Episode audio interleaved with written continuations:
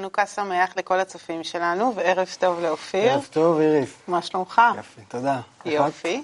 אני מצוין עם הסופגניות. uh, היום uh, תהיה לנו uh, תוכנית מעניינת ומרתקת, רבת משתתפים, יהיו לנו כמה אורחים, ביחד נדבר שוב על נושאים כלכליים מעניינים. אז יהיה איתנו טל רונן, שהוא שותף, שותף של פרופסור כהנא, אותו פרופסור שהכרנו בתוכנית הקודמת. הצטרף אלינו גם uh, איש העסקים, ציון אוהב ציון, וגם הצטרף אלינו הדוקטורנט uh, למינהל עסקים, uh, גיא יצחקוב. ועם כל אלה ביחד נעבור סדנה מעניינת. נכון, אופיר? נכון. וצופים יקרים, לפני שנתחיל בתוכנית, רצינו גם להזמין אתכם בשעה 2.45 בבוקר ביום שישי לשיעור קבלה פתוח עם הרב לייטמן, ללמוד יחד, להתחבר, לשיר, ליהנות מסעודה, השיעור הוא לגברים בלבד. הזמינו חברים ומשפחה, יום שישי, רחוב הנבטים 12, פתח תקווה, כניסה חופשית בהרשמה מראש. 1-700-509-209, בואו בהמוניכם. טוב, אז אנחנו אה, נתחיל עם האקטואליה שלנו השבוע. מה היה לנו? מה היה לנו? היה לנו בחירות בעיקר. אה, ורציתי ככה כמה כותרות מהימים האחרונים, כן? היום גלשתי ככה בגלובס ומצאתי כותרת שביבי אאוט וכחלון אין, כן? זה מה שרץ עכשיו, מי, יהיה, אה, מי הוא יותר אין ומי הוא כבר אאוט. ואז היום גם אה, ממשלת נתניהו מבטיחה לשווק השנה קרקעות ל-20 אלף דירות במחירי מטרה, נתניהו מבטיח להעלות את שכר המינימום. איריס, מה המסר שלך לקהל הבוחרים? Uh, המסר שלי, uh, אני חושבת בעיקר ככה, מה שמעסיק אותי ואת הסובבים אותי, זה פחות הפרסונות. זאת אומרת, כבר התרגלנו uh, להבין שזה לא כל כך משנה, אלא יותר המהות, שבאמת אולי סוף סוף יהיה לנו משהו חדש, מרענן, שיהיה כאן איזה צוות שבאמת ירצה לבוא ולנהל את המדינה. כן. ולא לעסוק בעניינים אחרים. כן, יש גם הרגשה, אני חושב, ש, שבדרך כלל פוליטיקאים הם מתחילים מתוך איזושהי דאגה לציבור, כן, ואז ברגע שהם מתחילים כבר להגיע ל, לשלטון עצמו, לאט לאט הכיסא מתחיל להיות גם חשוב במידה לא, לא קטנה, ואז יש איזשהו חוסר, חוסר הבנה מה בדיוק התפקיד, ובאמת נראה לי שהבחירות האלה זה על מנהיגות חברתית. כזאת שתוביל איזשהו שינוי תפיסה שאנחנו צריכים כבר לפעול מתוך שיתוף פעולה, מתוך, מתוך חיבור, ואני מאוד מתחבר למה שאמרת, כי לא משנה את מי עכשיו תוסיף, תוציא את יאיר לפיד, תשים את כחלון, תוסיף את ביבי, תשים את הרצוג, זה, יש שיטה, השיטה עצמה צריכה לעבור איזשהו שדרוג, והדבר הזה הוא מאוד מאוד חשוב, ואני חושב שבאמת הבחירות האלה יהיו מאוד, מאוד קריטיות. בהחלט. נחכה ונראה, אנחנו נלווה את התהליכים האלה, נקווה שיהיה תהליכים שהם דווקא בונים את החברה הישראלית כחברה מחוברת ולא רק מאבקי בחירות. ורוסיה, איך את מתמודדת עם הידיעה שהרובל צנע? כל התיק השקעות שלך זה ברובל, לא? לא, אני דווקא מחלק את ההשקעות שלי. מפזרת. מפזרת. אז הרובל צונע והריבית מנסים לשמור על הרובל, אז מעלים אותה ל-17%, שזה משהו מטורף, אבל מסתבר שגם זה לא עוצר את ההתרסקות. מה קורה פה בכלכלה העולמית? אני חושבת שזה באמת מעניין, זו שוב הוכחה לזה כמה, כמה, כמה המציאות שלנו, כמה האנושות היא מקושרת, מחוברת וגלובלית, ואין בעצם שום כלכלות עצמאיות. וגם הקריסה ברוסיה, כמובן, אנחנו רואים איך היא משפיעה אה, על החיים הכלכליים שלנו כאן ובעוד מקומות, ואפילו הצצתי אה, וראיתי שאספת לנו ידיעה שמחירי הפלפלים שיש ליצואנים הישראלים לחלק... כלכ... אה, לחקלאים בעיה, כי הפלפלים שאנחנו רגילים לייצא אותם לרוסיה, אין מי שיקלוט את כל הפלפלים. זאת אומרת, מה שקורה ברוסיה משפיע עלינו בצורה ישירה, גם על האג"חים של הקרנות פנסיה, גם על הגידולים החקלאיים. זאת אומרת, היום אתה רוצה להעניש כביכול מדינה אחרת, וזה חוזר אליך בבומרנג כזה, כי כבר כולנו מקושרים והעולם הוא אה, אינטגרלי וגלובלי, כמו שאנחנו אה, נוהגים אה, להגיד. והחלק ו... המשמח הוא שאם אנחנו נדע את זה, אז אנחנו יכולים באמת לפעול בשיתוף פעולה ולהתחיל לנוע בהתאם למגמה שמסתמנת ממילא בטבע. Mm-hmm. עוד משהו שתפס ככה את העיניים שלי כשהתעסקתי קצת עם האינטרנט, ידיעה בדה מרקר, תשלומים לטאלנטים בשירות המדינה טאלנטים זה אלו שמציגים לנו את כל, ה, אה, את כל הקמפיינים של משרדי הממשלה בשנה האחרונה. אנחנו טאלנטים? אנחנו עוד לא, עוד מעט נהיה, אבל okay. אוקיי. בקרוב, תחזיקי זה. 3.3 מיליון שקל בחמש שנים לתשלום שכר לפרזנטורים שכיכבו במסעות פרסום של משרדי הממשלה. טל פרידמן מארץ נהדרת קיבל 900 אלף שקל לשני קמפיינים. אלון אבוטבול 200 אלף שקל ליום צילומים אחד, ויובל המבולבל, מסכן, רק 180 אלף שקל ליום עבודה אחד, עבור קמפיין של משרד הכלכלה. של מי הכסף הזה, מאיפה זה בא, לאן זה הולך? את תקחי פחות, כן?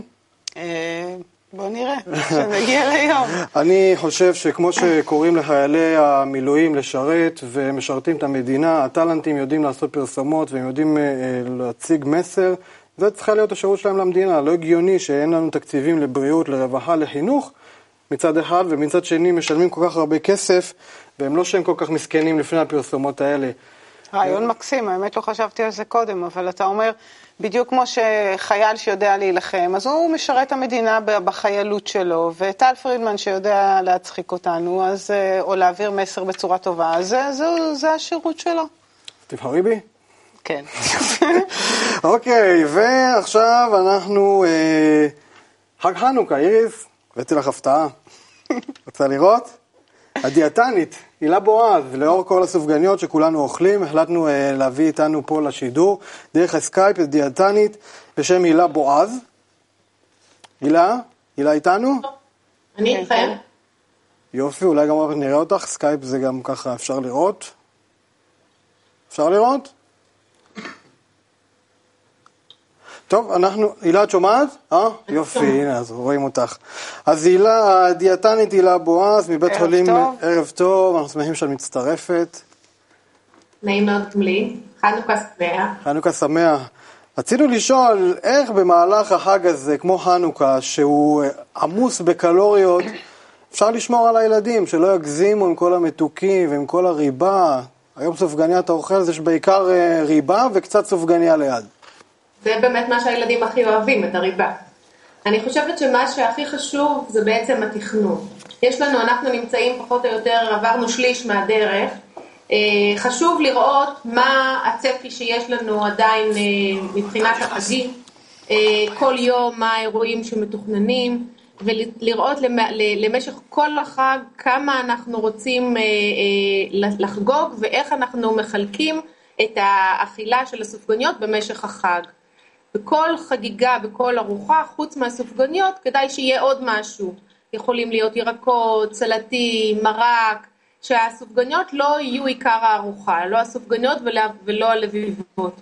אנחנו יודעים שבסופגניה אחת יש לנו בסביבות 400 קלוריות, הרבה מאוד שומן, הרבה מאוד פחמימות, אה, וברגע שאנחנו יכולים למזער את הנזקים ולאכול רבע סופגניה או חצי סופגניה רגילה או לאכול סופגניות אפויות או לביבות אפויות, אז בעצם אה, אנחנו יכולים אה, לשפר באופן ניכר את כמות הקלוריות. והילה, בוא רק אה, נגיד לצופים שלנו שהילה היא דיאטנית קלינית בבית חולים ליניאדו, וגם, לא נכון הילה? כן, אני מייצגת את עצמי. כן, אוקיי. אה, אז אה, זה טוב שאת מייצגת את עצמך, אנחנו אוהבים את זה. ואנחנו אה, נרצה שתגידי לנו ככה, את יודעת, בעניין של תזונה נכונה, אנחנו כולנו מוצפים באין סוף מאמרים ועצות, ולא לאכול את זה וכן לאכול את זה, זה קצת מבלבל לפעמים. אז אם את יכולה ככה לתת לנו טיפ קצר ולהגיד, אז מה כן כדאי לעשות? מי שרוצה לחיות, לחיות נכון מבחינת תזונה. קודם כל חשוב, לחיות, חשוב לאכול הכל בצורה מגוונת ומאוזנת. לא להגיע למצב של אה, דיאטה מאוד מאוד מצומצמת וקיצונית. חשוב לאכול ארוחות קטנות, לעיתים קרובות, אה, שיהיה שם את כל המזונות שאנחנו רגילים ואוהבים לאכול, בצורה שהיא מושכלת ומתוך אה, בחירה והחלטה שלנו, לא להיגרר למזונות שאנחנו לא היינו רוצים לבחור אותם מראש. אבל כן לאפשר לעצמנו מדי פעם לאכול גם דברים שהם אה, מעבר לדיאטה. כי המטרה היא ללכת למרחקים ארוכים ולא אה, לעשות משהו שהוא עכשיו קצר ו- ומשיג תוצאות מהירות, ואחרי שבועיים אנחנו שוברים את זה. אני רציתי, כן, אני אשתדל מאוד ליישם. אני רציתי לשאול, אה, היום המדיה היא מאוד משווקת לנו את כל המתוקים האלה ואת כל הסוכרים, ועל כל יוגורט יש לך איזה נינג'ה וכל מיני דברים כאלה שהילדים, uh, אי אפשר לעצור את הפיתוי שלהם. Uh, איך אפשר להתמודד עם, ה, עם, ה, עם הפיתויים האלה שהילדים כל היום נחשפים אליהם? קודם כל, לנו בתור מבוגרים, יש את האחריות ההורית לאיזה מסר אנחנו חושפים את הילדים ולאיזה מסר לא. ילדים שהם רואים פרסומות בטלוויזיה, אין להם את היכולת להבין שזה לא מציאות. מבחינתם מה שרואים בטלוויזיה זה אמת. ו, ולכן המסרים שנמצאים בכלי התקשורת וגם בפרסומות שנמצאים ככה בין לבין, הילדים מקבלים את זה כאמת מוחלטת. והפרסומאים באמת עובדים על העיקרון הזה, כי הילד הוא הופך להיות הצרכן, קשה מאוד להם או לאב להתמודד עם ילד שרוצה דווקא את מה שהיה בפרסומת, ובתוך הסופ, ככה, בתוך הקניות בסופר, הרבה מאוד פעמים אנחנו אה, רואים, אה, מוצאים את עצמנו מוותרים. אז מראש להחליט ולשבת לראות, או, או לא לראות את הפרסומות, או ביחד עם הילד לשבת, ותוך כדי פרסומת לתת לו את המסר הנכון מבחינתנו, לאזן את הפרסומת, להגיד מה בריא, מה פחות בריא, על מה כן כדאי להתמקד. לא לדבר עם הילד על קלוריות ועל סוכר, אבל כן לדבר עם הילד מה, איזה רכיבים חשובים לגוף, מה מזין את הגוף, מה הגוף צריך, וכשאנחנו נותנים, כשאנחנו מאפשרים מזון שהוא פחות בריא, אז אנחנו נגיד, זה, זה משהו שהוא פחות בריא, אנחנו נותנים לך עכשיו את זה, אתה צריך, אתה, אנחנו, גם אני וגם אתה, נאכל את זה בכמות יותר קטנה, מכיוון שהמזון הזה לא בריא. ויחד עם זה כן לתת איזשהו modeling, איזושהי דוגמה, הרי אנחנו יודעים שילדים אה, מעבר למילים הם קולטים את הדוגמה האישית שלנו. וברגע שאנחנו אה, אה, מייצגים את אותה דוגמה אישית שהם רואים והם מעריכים, אז הם מאמצים אותנו, מאמצים את, הדוגמה שאנחנו נותנים להם. ולכן אנחנו צריכים קודם כל ל- ל- לעבוד לפי הכללים האלה, לאכול אוכל שהוא בריא, לבחור את המזונות הפחות בריאים בכמות יותר קטנה, שיהיה איזשהו שיח סביב השולחן על מזונות שהם בריאים ומה הם עושים לגוף ואיך הם מזינים את הגוף, וגם מזונות שהם פחות בריאים ואולי מתאימים, לדבר, לדבר על זה יחד עם הילדים. תהילה, תודה רבה. זה, זה, אני מניח שזה מידע חשוב לכל, לכל הורה בבית, כי ההתמודדות הזאת היא בלתי נפסקת מול הילדים. שוב, תודה רבה. בטח נשמח עוד להיפגש איתך בחגים הבאים. בבקשה. תודה, להתראות. וחנוכה שמח. יופי, ובינתיים אה, הצטרפו אלינו אה, שני אה, אורחים.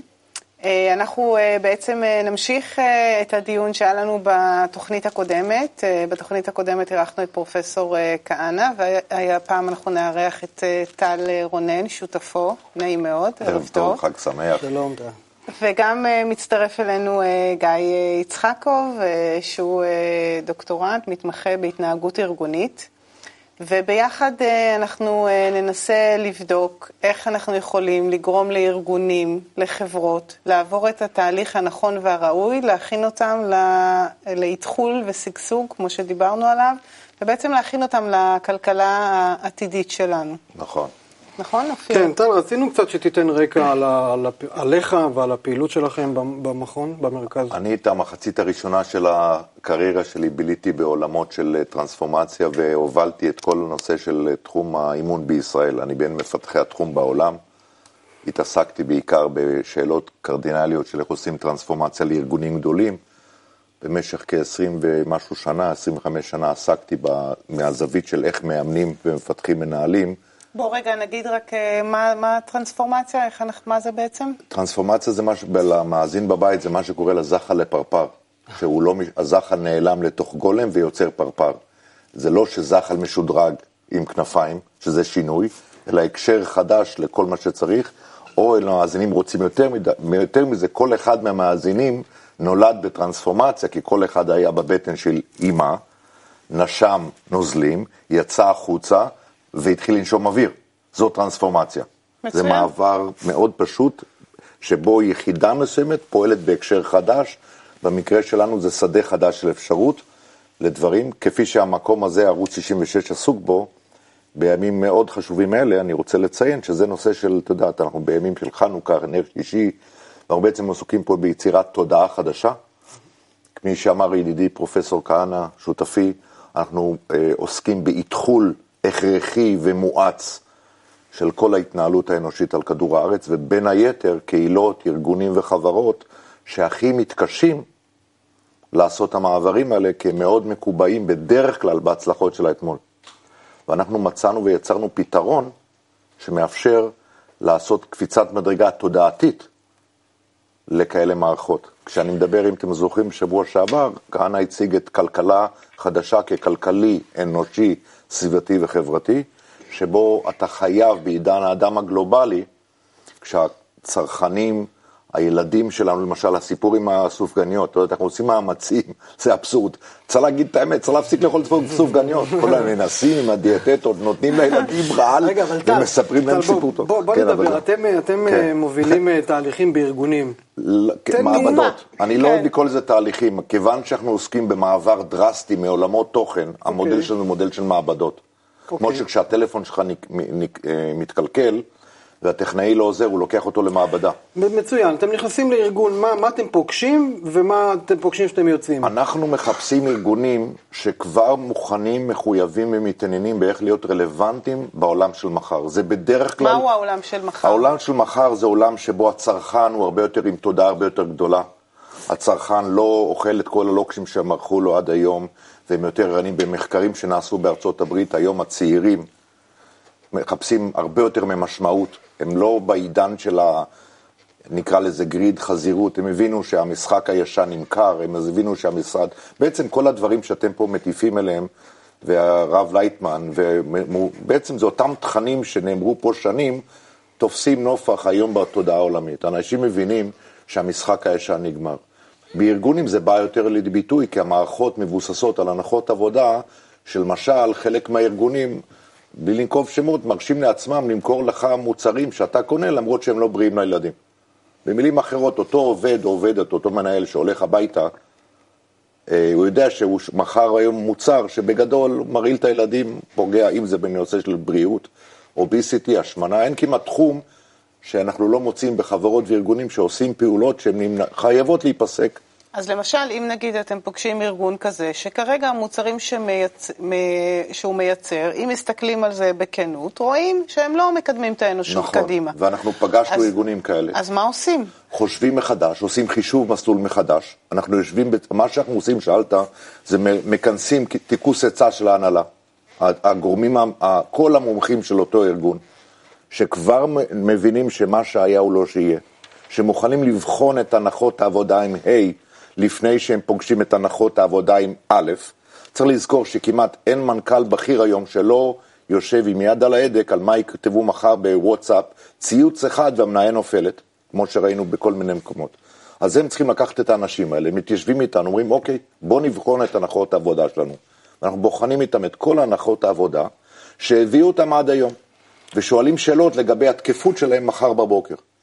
לעשות את זה מאוד פשוט, לפני כן. שאלתך, כן. אני עומד איתם, בוחן את מה ההנחות שלהם עד היום, מציג להם למחרת, מביא סט של מומחים ואומר להם, זה טוב מה שהיה עד היום, עכשיו בואו נראה איפה העולם נמצא. זה מצוין, אני מוכר יוגורט, אני יודע שאם אני לא אפוצץ אותו בסוכר, הילד לא יקנה כנראה. אתה תתפלא שגם אותם גופים לא רחוק מפה שמוכרים יוגורט עם תודעה מאוד גדולה, אתה לא יכול להימנע מזה שגופים חשובים ומצוינים לאין ארוך כמו שטראוס, או שמות אחרות של חברות, עשו כבר את החושבים שלהם, ועושים היערכות מחודשת לגבי בריאות כבר שנים. יש בעיה של המעבר בין מה שהציבור קונה, ובין מה שהציבור צורך, מעת צורך, ובין מה שמתאים לו. אז יש להם פה משקלות. אנחנו עוזרים להם במעבר הזה מבלי לאבד את העסק, מבלי להתאבד, אבל להמציא את המוצרים של מחר. אנחנו עושים איתם מה שנקרא Game Change. לא רק איתחול, אלא שינוי משחק, ואומרים להם, איך אתה עובר ממציאות תודעתית שמוצרים מסוימים היו מותאמים ואפשריים, למציאות חדשה שבו זה לא, איך אתה נערך, וזה, וזה במקביל. האם לא זה, מהיום למחר. לוקח, האם זה לוקח בחשבון גם אה, את המקום שאליו אנחנו רוצים להביא את הארגון? למשל, חד משמעי. שאנחנו רוצים שארגונים יפעלו לטובת החברה, למשל כן. בעניין של המשכורות, היחסים בתוך כן. החברה, כל הערך החינוכי שאנחנו מבינים שנטשנו אותו עם הזמן והגענו למקום אה, די עצוב. כן. יופי ששאלת, כי מה שקורה ביום השני של המעבדה, כשאישרנו קו על מי הם רוצים להיות, אנחנו מסיימים משחק, אם שמעתם פרופסור כהנא מדבר על כסח. המצאנו משחק, זה נקרא משחק כן. כסח. כי בעסקים, כמו זה בעסקים, ובייחוד בישראל זה כסח. ואז הם מתחלקים לארבע קבוצות, כלכלי, אנושי, סביבתי וחברתי. לאחר שמקבלים סט של עדכונים מהחזית של מה קורה בכלכלה החדשה על ידי פרופסור כהנא, ועידן האדם הגלובלי מד- מדוקטור שלמה ישי, ועוד מומחים שאומרים להם, הנה העולם של מחר, אנחנו מחלקים אותם לצוותים, לוקחים אותם כמו בצבא, כמו במלחמה על הדגל, לעתיד, מושיבים אותם בעתיד ואומרים, בעתיד הזה, איך החברה תתנהל לאנשים שלה, לסביבה שלה, לחברה ובכלכלה, ואחרי שביום השני מעצבים את העקרונות החדשים, הם חוזרים למציאות ואומרים עכשיו איך ניקח את הארגון מהעתיד, זה backcasting, אחורה בזמן, מאשר קדימה, ולהפוך אותו לאותו ארגון שהמצאנו. זה מרתק. אני רוצה רק לצרף לדיון את uh, גיא, שלום גיא. רציתי לשאול, אנחנו יודעים שגם תנועת הערבות היא פועלת בקרב uh, ארגונים והיא uh, עושה גם הכשרות. הדגש שבתנועת הערבות דווקא שמים על, בכל ההתעסקות בארגונים, אתה יכול אה, לתת לי יותר את ה... את ה אה, מה מיוחד בהכשרות שתנועת הערבות עושה בארגונים? מה הדגש ששמים בתנועת הערבות?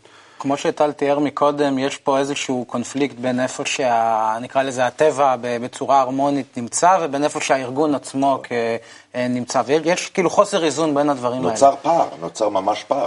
ב- בתנועת הערבות אה, אנחנו בעצם מכינים את ה... גם אם זה העובדים, ההנהלה, כל הארגון, להיות, להיות מוכנים להתאים את עצמם לתוך מערכת של קשרים, מערכת של תלות הדדית, אה, שבמסגרתה, לדוגמה, אה, סדנאות. שבו יכול לשבת לך מנכ"ל עם אה, שומר או עם עובדים יותר זוטרים, ליצור יותר, ליצור יותר שוויוניות, ליצור יותר שיח בין, ה, בין האנשים בתוך הארגון, ש, שהוא אחד הדברים ההכרחיים גם, כמו שטל תיאר מקודם, עם היום דור ה-Y, כבר לא בזה שתיתן לו יותר, שכר יותר גבוה, הוא כבר לא יבוא במוטיבציה גבוהה לעבודה, זה התפקיד המעניין שהוא צריך לקבל. משמעות, איך אתה... משמעות כן, בתור- 75% מהצעירים בארצות הברית במחקר שאני נחשפתי אליו, מעדיפים משמעות על משכורת. זה דרמטי. זה לי תמיד קשה להסביר את זה בקורס של התנהגות ארגונית. היום זה, זה נקרא. מוטיבציה פנימית. מוטיבציה פנימית זה צריך לבוא מתוך התפקיד.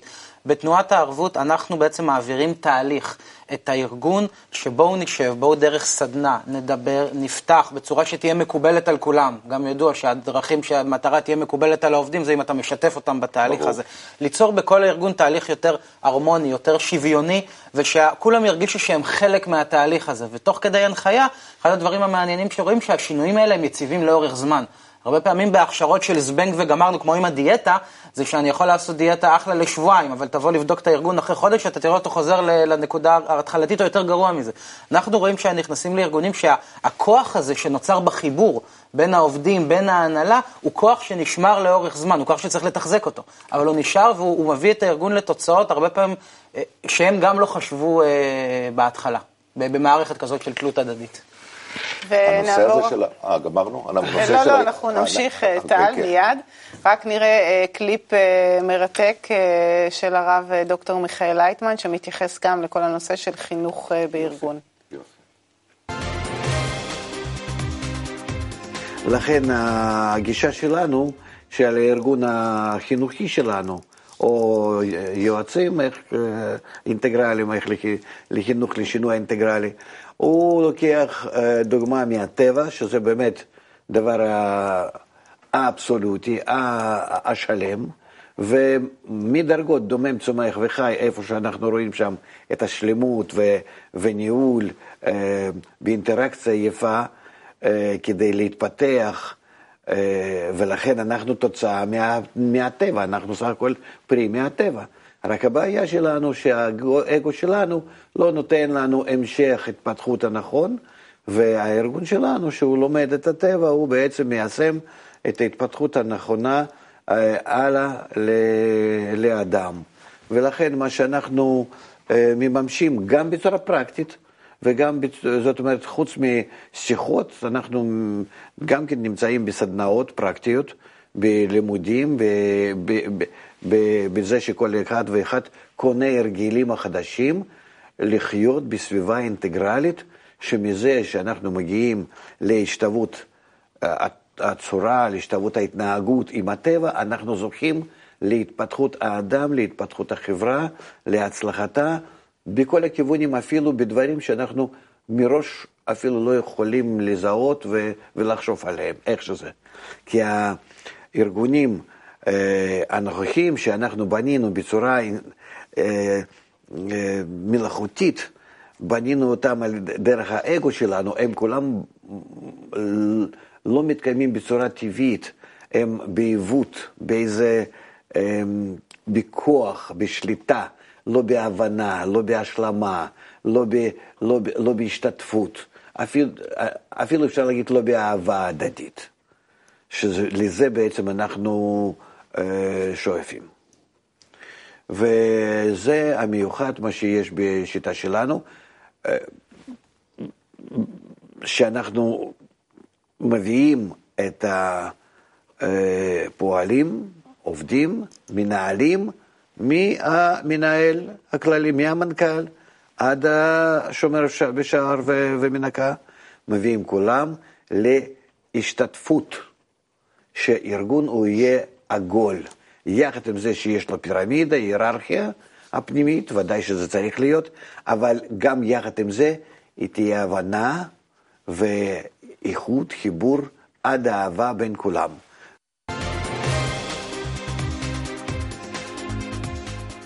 טל, אז uh, תוך כדי אמרת מקסים ועוד כאלה מין uh, ביטויים, אז מה באמת אתה אומר? אפשר ככה שיהיה ארגון שיתנהל באופן כזה? תראי, זה חלום, זה, זה לא חלום, זאת אפשרות. אין ספק שזה חייב להגיע לשם. צריך להבין, ופה אולי המקום לדבר, אנחנו חייבים לעשות את המקפצה התודעתית על מנת לשרוד, כפי שאמר פרופסור כהנא. אנחנו כדי לשרוד כ-7.3 מיליארד בני אדם על הכדור, חייבים לעבור מקפצה תודעתית.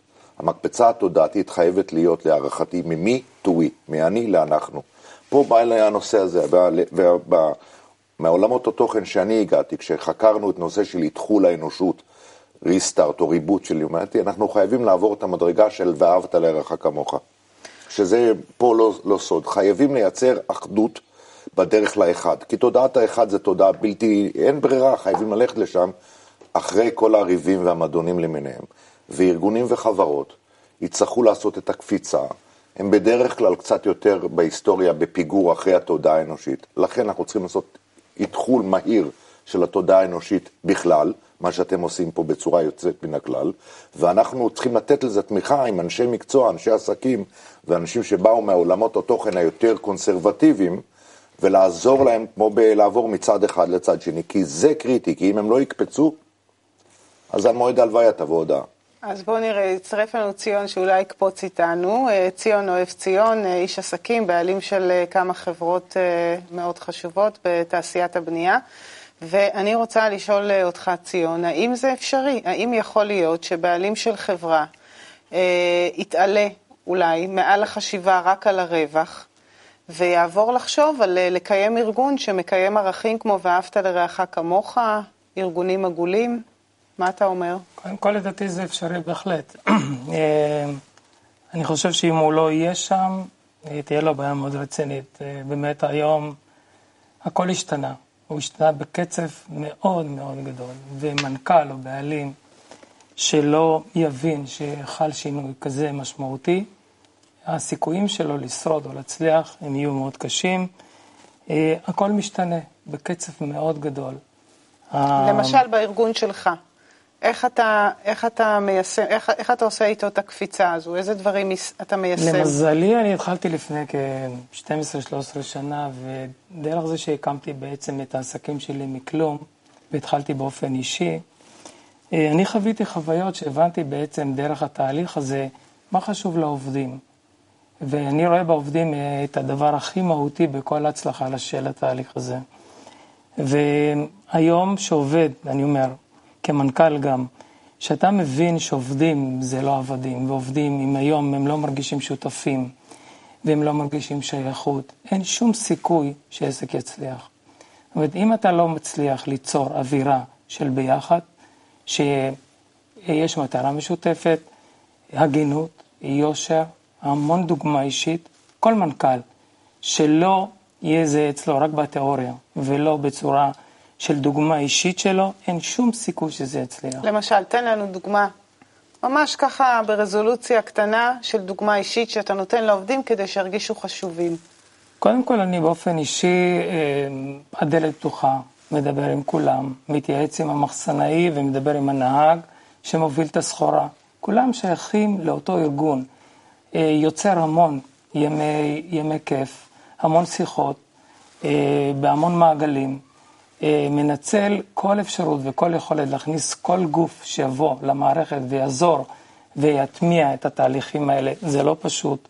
צריך לתקוף את זה מכל הזוויות. זה המון פסיכולוגיה, קודם כל המון רצון, ולהבין שזה המנוע המרכזי.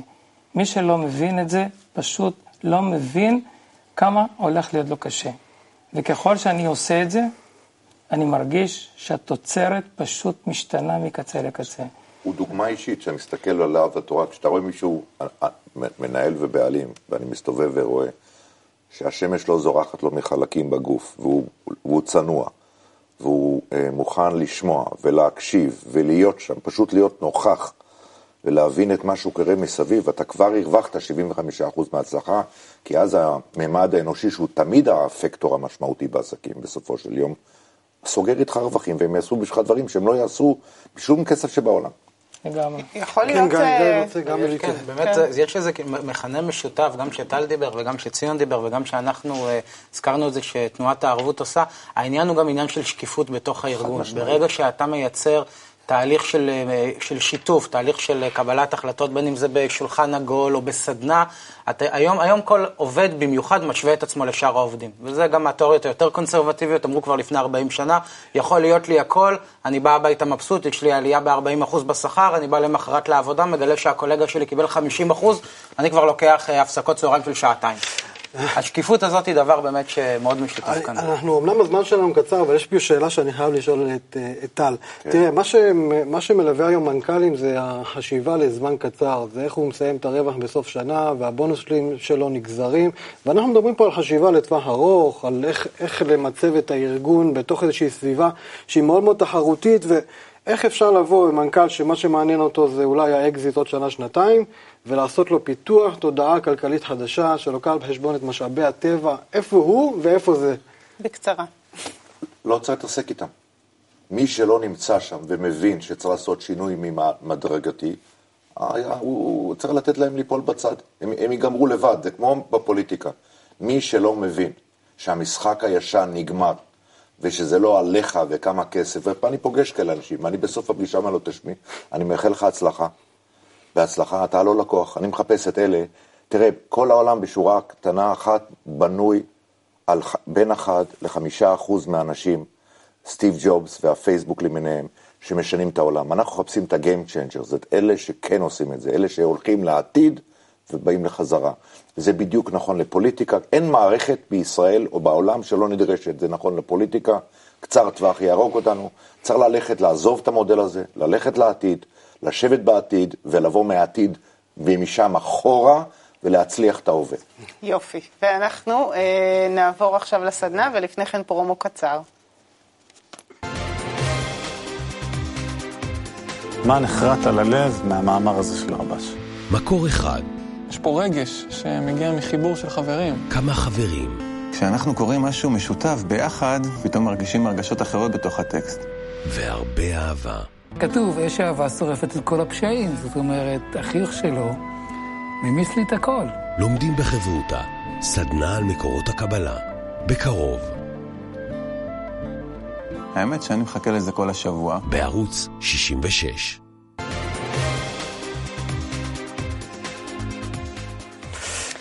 אז אה, עכשיו אנחנו נעבור אה, לסדנה, יש לנו שאלה, כל אחד יש לו דקה לענות, אנחנו זזים ימינה, והשאלה הראשונה שלנו, עד כמה הזמן באמת ממש דוחק כדי שנעשה שינוי? אני אגיד לך את זה הכי קצר, מה שכתוב לי על השעון. נאו.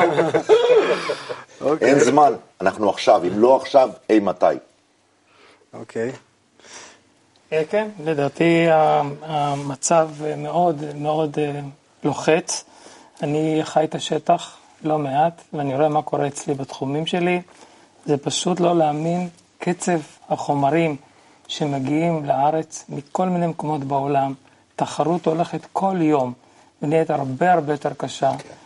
ואני חוזר שארגונים שלא יכינו את עצמם בצורה המדויקת והנכונה, פשוט אין להם סיכוי לשרוד.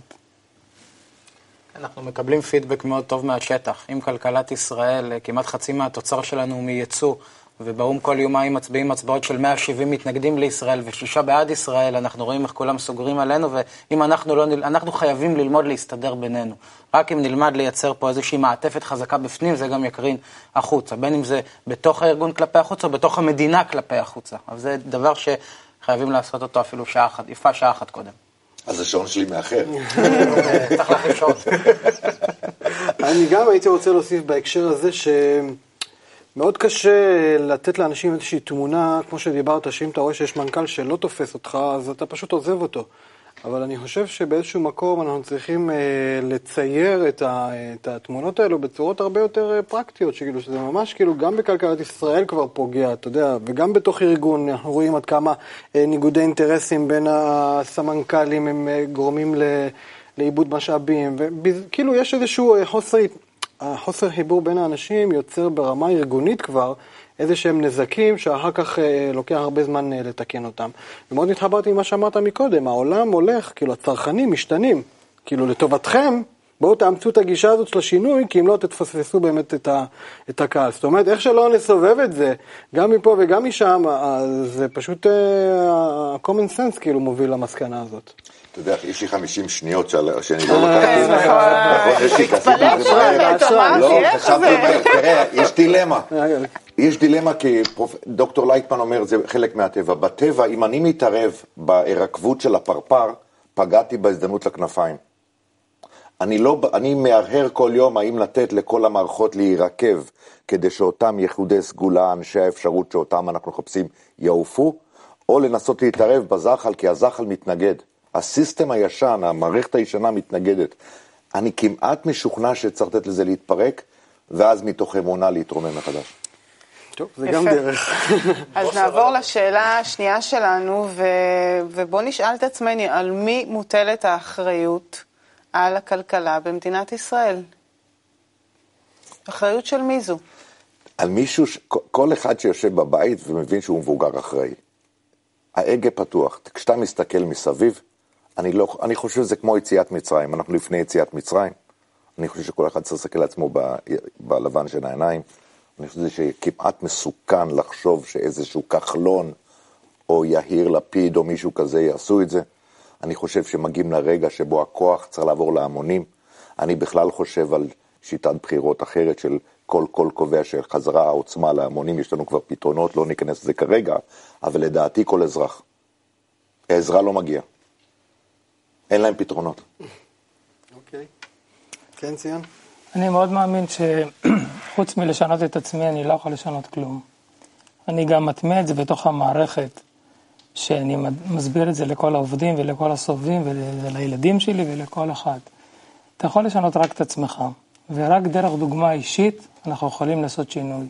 כל אחד בחלקה שלו. וכל אחד שיעשה את זה, אני, אין לי ספק בכלל שאנחנו נראה עולם אחר לגמרי. חושב שאופיר אחראי. צריך, להיות, צריך להיות כאן תהליך של חינוך. חינוך זה לא רק לילדים, חינוך זה גם לנו, למבוגרים. ברגע שבמקום לשווק דברים שאנחנו לא צריכים, לשווק את המסרים הבאמת חיוביים, כי אנחנו, יש לנו את הכלים להשפיע על עצמנו, אז בואו נעשה את זה בצורה חיובית, כדי להיות מבוגרים אחראים ולקדם את עצמנו לעתיד הטוב, ולא לעתיד עד שאנחנו רואים שמגיע מאוד מאוד מהר. דרך אגב, הצריכה חייבת, לא אומרים את זה מספיק ברור. אבל כש-7.3 מיליארד בני אדם משתמשים ברגע זה בשתי פלנטות, חייבים לחתוך בחצי את הצריכה.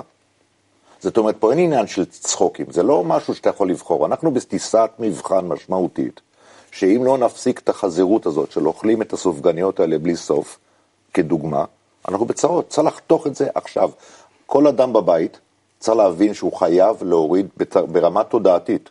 כמו שאמרת, כל אדם בבית שמקשיב לנו חייב לחתוך את הצריכה ולהפסיק לקנות דברים שלא מקדמים את עתיד ילדיו.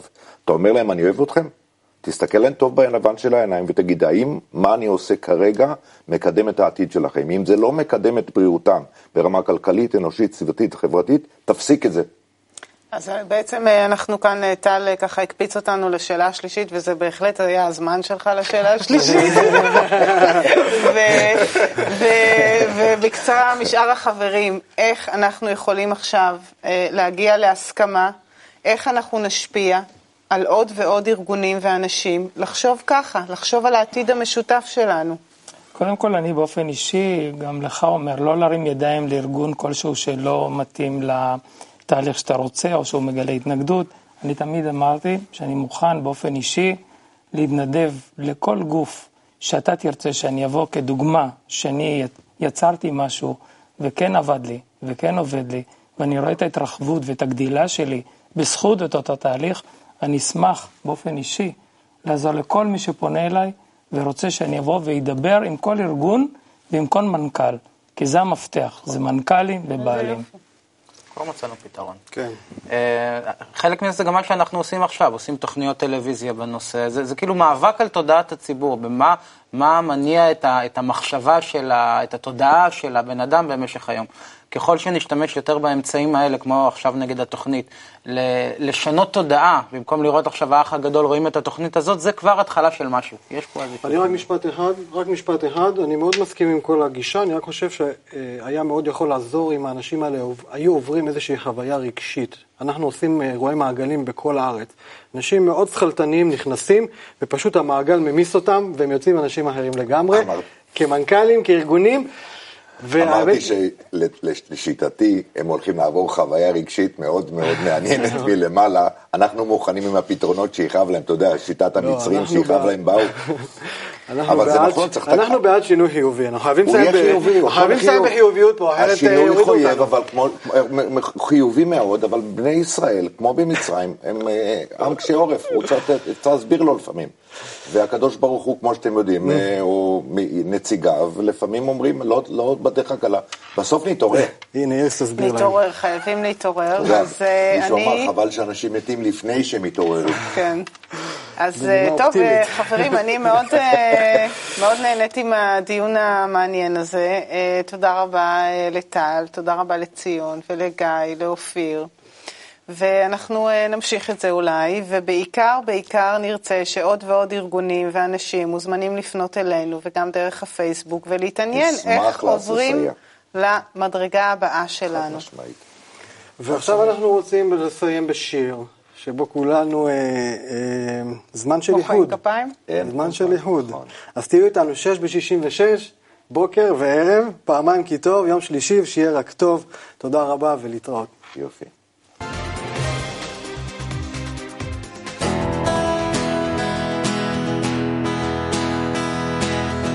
זהו זמן של איחוד, המקום מתגלה, ניגונים מתחברים, הרצון מתהווה.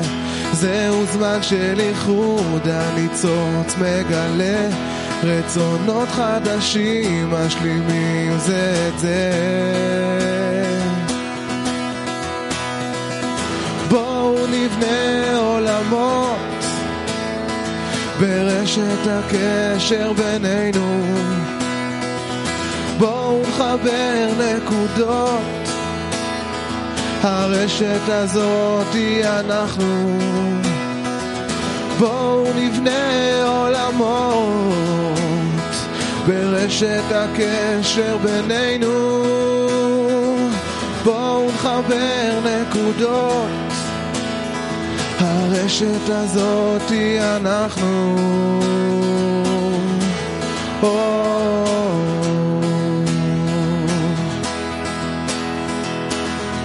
זהו זמן של איחוד, המקום מתגלה, ניגודים מתחברים, הרצון מתהווה. זהו זמן של איחוד, הניצוץ מגלה, רצונות חדשים משלימים זה את זה.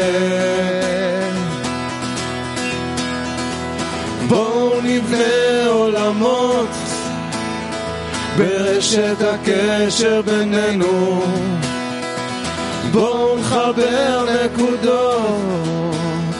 הרשת הזו היא אנחנו. בואו נבנה עולמות. ברשת הקשר בינינו. בואו נחבר נקודות. הרשת הזאת